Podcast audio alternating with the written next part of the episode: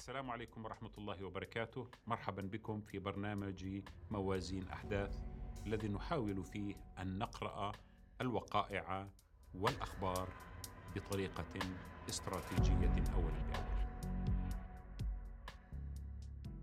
السلام عليكم ورحمة الله.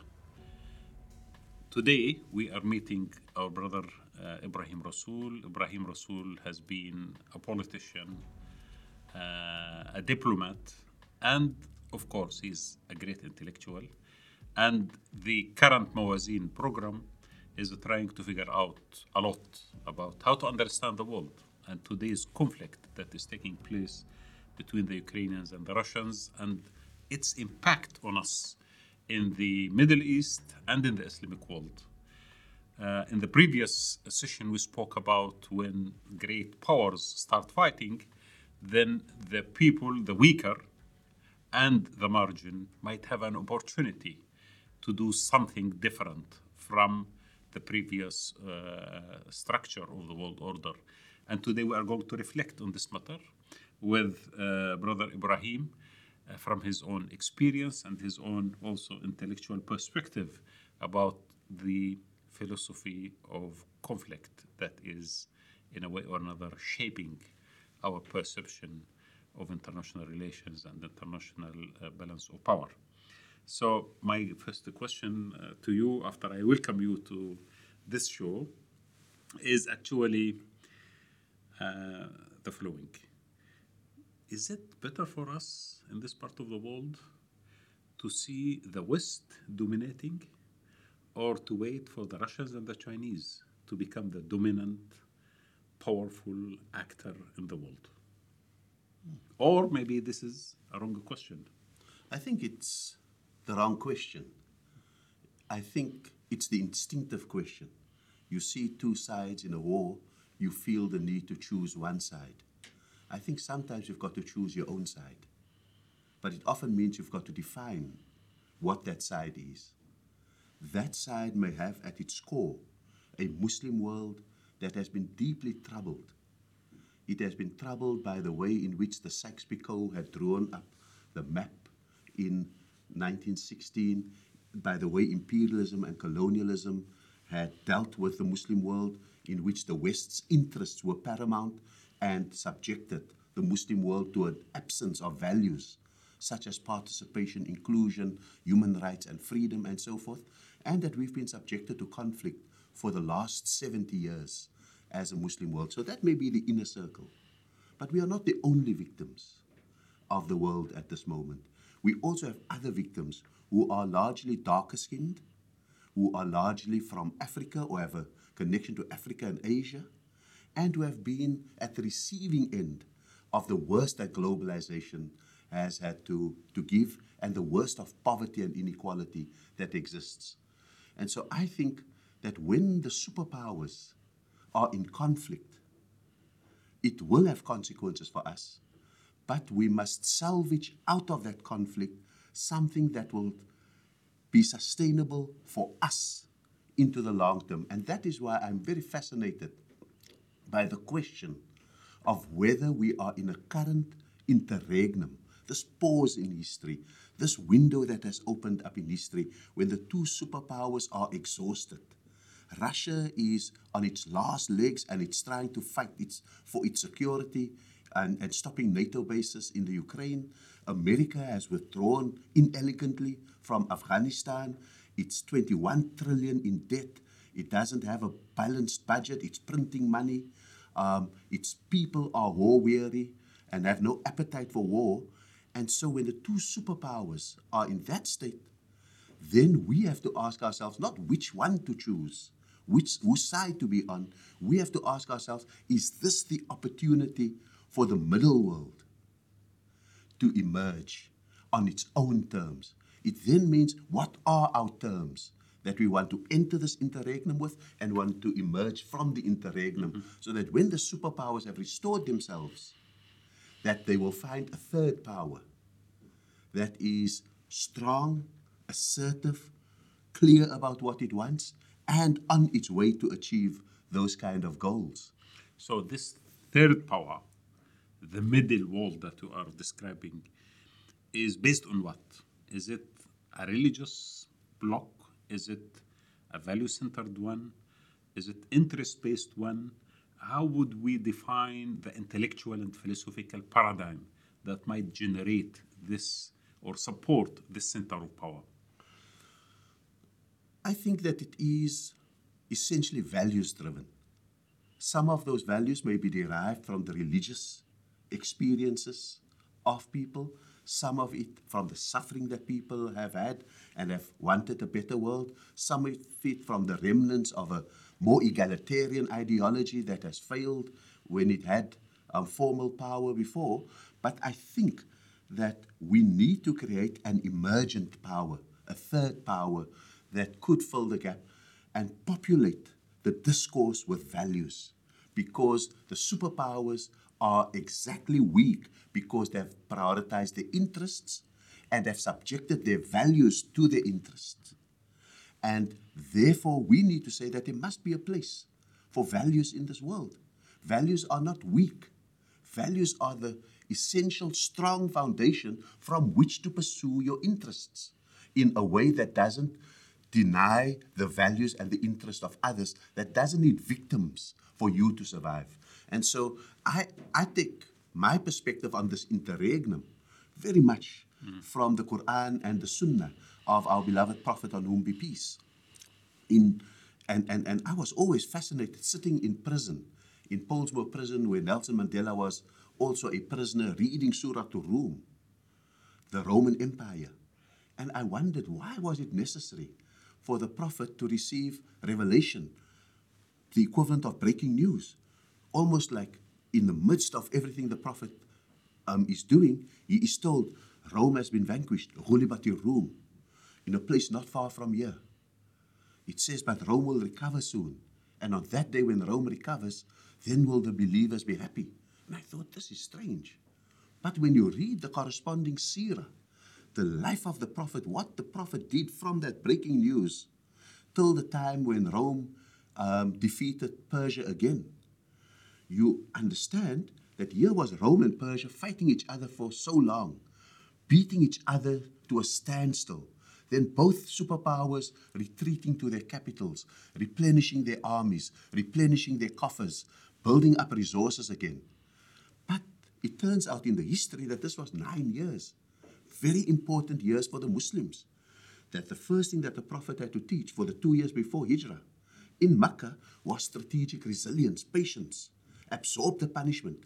That was the time when Sumayya, may Allah be pleased with her, when she was martyred, Bilal was tortured, the Prophet was humiliated, the Muslims were boycotted for two years.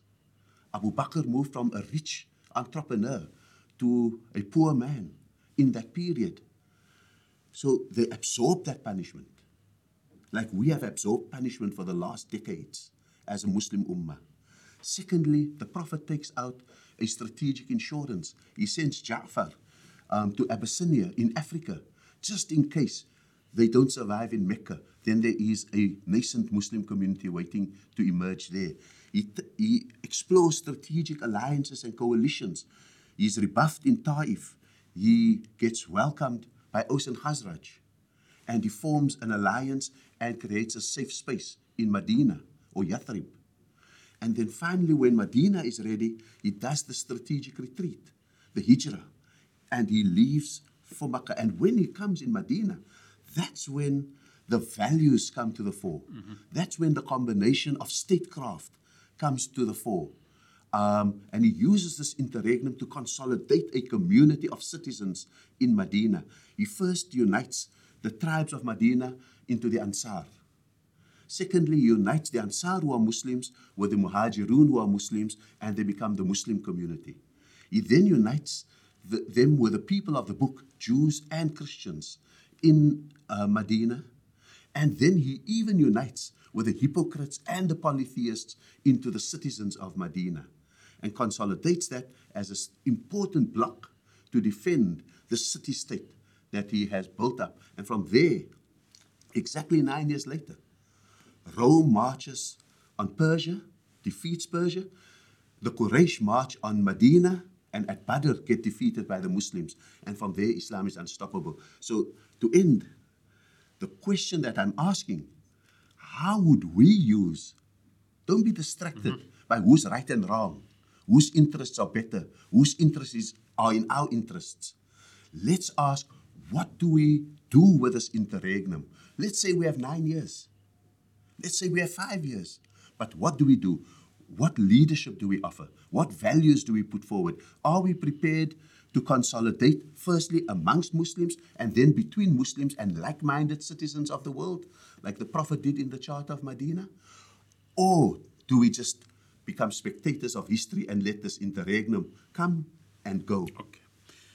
This actually brings the following topic values versus interest. I mean, the Western concept of politics right now is based on interest. And most of the time, values take a secondary place. In fact, it is used always to further the interest, to further the economic and geopolitical interest of centers of power rather than to trigger something that is based on justice and social equality and so on. While you are now trying to introduce a paradigm where values take premise over uh, interest, uh, aren't you in this becoming idealist in a sense? The idealism is tempered by seeing values and interests and policy making based on them as a telescope. It has two lenses a lens with your interests and a lens with your values. Mm-hmm. And the way you make policy, foreign policy also, geopolitical policy, is to decide which lens you keep against your eye. Do you view your values through the lens of your interests, like the West has done for the last century at least? Or do you view your interests through the lens of your values? And if you view the, your interest through the lens of your values, then you don't neglect your interest. You still want oil. You still want mineral wealth. You still want geopolitical security. You still want to control shipping. You, you don't give up any of that. That's idealism. But you view it through the lens of your values to say, okay, but how do I achieve all of those? By not denying Muslims in that region human rights, freedom, um, inclusiveness, and, um, and I only saddle them with dictators and authoritarians um, and so forth. And so it, it, it, it brings about a negotiation, firstly, within yourself. How do you mitigate your values and your interests? And then it brings about a negotiation and an engagement between yourself and those who may suffer the consequence of your pursuit of your interests. And you may even decide that the values that I value in Washington, D.C., must be the values I, I value in the Middle East and in the Muslim world and in Africa all over. And that's the best guarantee for the survival of my interests. Last question do you see the current crisis between the Russians and the West a window for us in the Muslim world to rethink our approach to the world and to go beyond the concept of Islamic or Muslim Ummah into a universal international coalition or even alliance for justice and equality and much better world? I think that choosing either of the two powers, Russia and in its battle with Ukraine and Ukraine as the proxy of the West, is going to be a, a, a, a fatal error. We must keep an eye on it. But the other eye must firmly be on what we want to achieve as a Muslim community. But we must also be cognizant that what we want, which may derive from our religious values based, may correspond with the other value base that, for example, the poor in Latin America um, want and that their priests are articulating through, for example, liberation theology, which may be the same as people in other parts of Africa, which are poor and despised and on the margins of the world. They may also want to come to the center of the world. And so, for me, coming from the anti apartheid struggle in South Africa, we always had the politics of the front, a, a partnership based on an immediate project that we want. That may last a short time. Secondly, it's the coalition for the pursuit of common objectives. If our common objectives is to make immediately the world more peaceful, more equal, and more um, or less poverty stricken, then we have the basis of a coalition amongst people who are different. And ultimately, you have alliances with those that you share values with. And so that may be more enduring. But we mustn't treat all cooperation as long term. We must examine each bit of cooperation on its own terms. And so the Prophet in Medina knew that the hypocrites and the polytheists may not resist for too long, but he needed to keep them inside the tent for as long as possible so that they survive the first few battles. When they showed their true colors, he said, You are out of here now. But they were stronger then on their own with the people of the book. It's when some of the people of the book later betrayed them that he said, You have now proven yourself to be untrustworthy. But, but by that time, they were bigger um, as a community. So I would say that this is the time for us to, to basically say, we must have the largest conglomeration of the marginalized in the world. Marginalized by virtue of wealth, of color, of religion, and of other forms of otherization. And once we are all together, we all get on the bus. We, some of us will get off the bus earlier than others.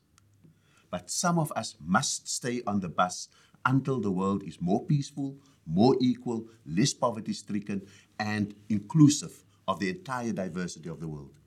Thank you very much. Actually, I agree. You know, to a large extent, your understanding of Sira is amazing, and the lessons that derived from Sira to to uh, deal with the current geopolitical transformation in the world is extremely vital.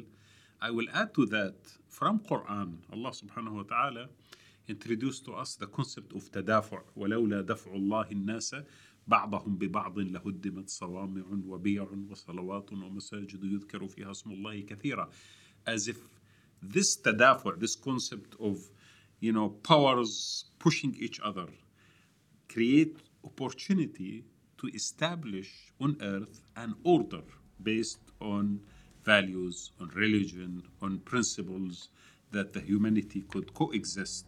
And what is interesting about the ayah, it describes the places of worship for Muslims, for Christians, for Jews, for everyone, as if that is the way that earth should be inhabited by those who establish justice based on common and shared values amongst all these uh, religions and and uh, and philosophies. Uh, so thank you very much. This is great, and let us hope that the future is is having or going, and we are optimistic. I think. No, inshallah, that's the definition. You are optimistic. I'm I'm very optimistic. You know, that's the notion of iman. It's belief in what you have not yet seen.